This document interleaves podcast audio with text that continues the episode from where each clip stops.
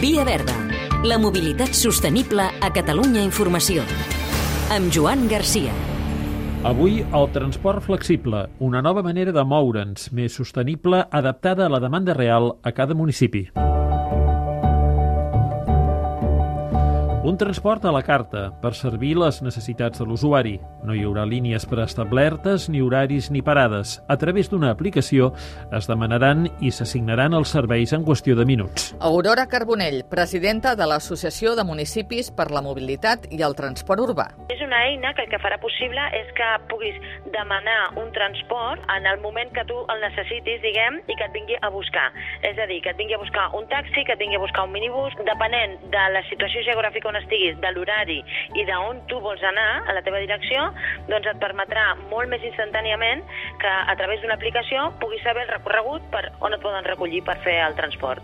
Què fa diferent el transport flexible del que ja es coneix com a transport a demanda? Demanda el que fa ara és que hi ha un acord amb taxistes i s'ha de fer prèviament una reserva. O sigui, no és tan instantani, no és una aplicació, és a través d'un telèfon, eh, fas una reserva i dius, doncs miri, demà a tal hora vull que em vingui a buscar perquè he d'anar a tal lloc. No és tan instantani, no? L'altre és que és una aplicació que el futur és aquest, eh? És dir, escolta'm, he d'estar a Barcelona d'aquí una hora, mirar l'aplicació i que l'aplicació et digui, doncs mira, ara et pot venir a buscar un taxi o ara et pot venir a buscar un minibús o ara passarà un autobús aquí en aquesta hora, eh, és molt més eficient.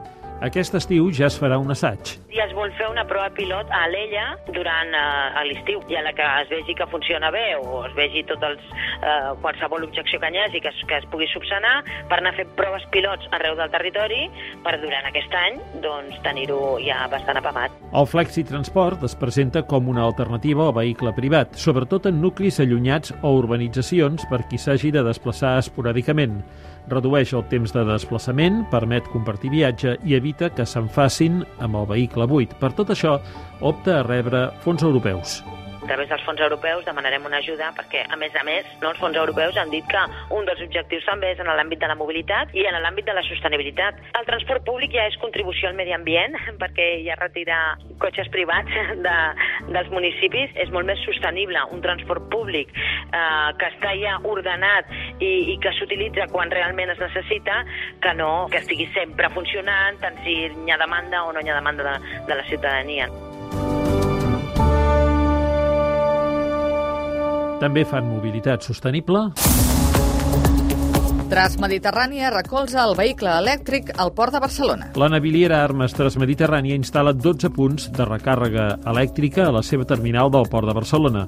Els podrà fer servir qualsevol usuari que vulgui recarregar el vehicle. La recàrrega es podrà pagar a través de l'aplicació Charge and Parking. Naturgy té un pla per estendre la infraestructura per carregar el vehicle elèctric. Farà a tot l'Estat una xarxa de més d'un miler de punts de recàrrega renovable per impulsar el cotxe elèctric. Seran carregadors ràpids i semiràpids en poblacions de més de 50.000 habitants que tinguin l'obligació de tenir zones de baixes emissions. L'àrea metropolitana de Barcelona amb els premis Bicibox. L'entitat ha reconegut una desena d'usuaris com els que més han utilitzat el servei d'aparcament segur de bicicletes privades.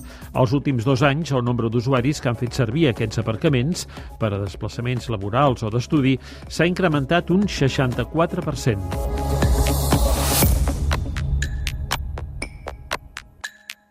Hem de tendir a...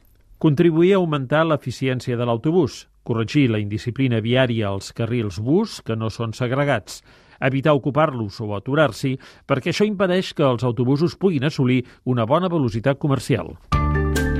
Via Verda, disponible al podcast i a catradio.cat.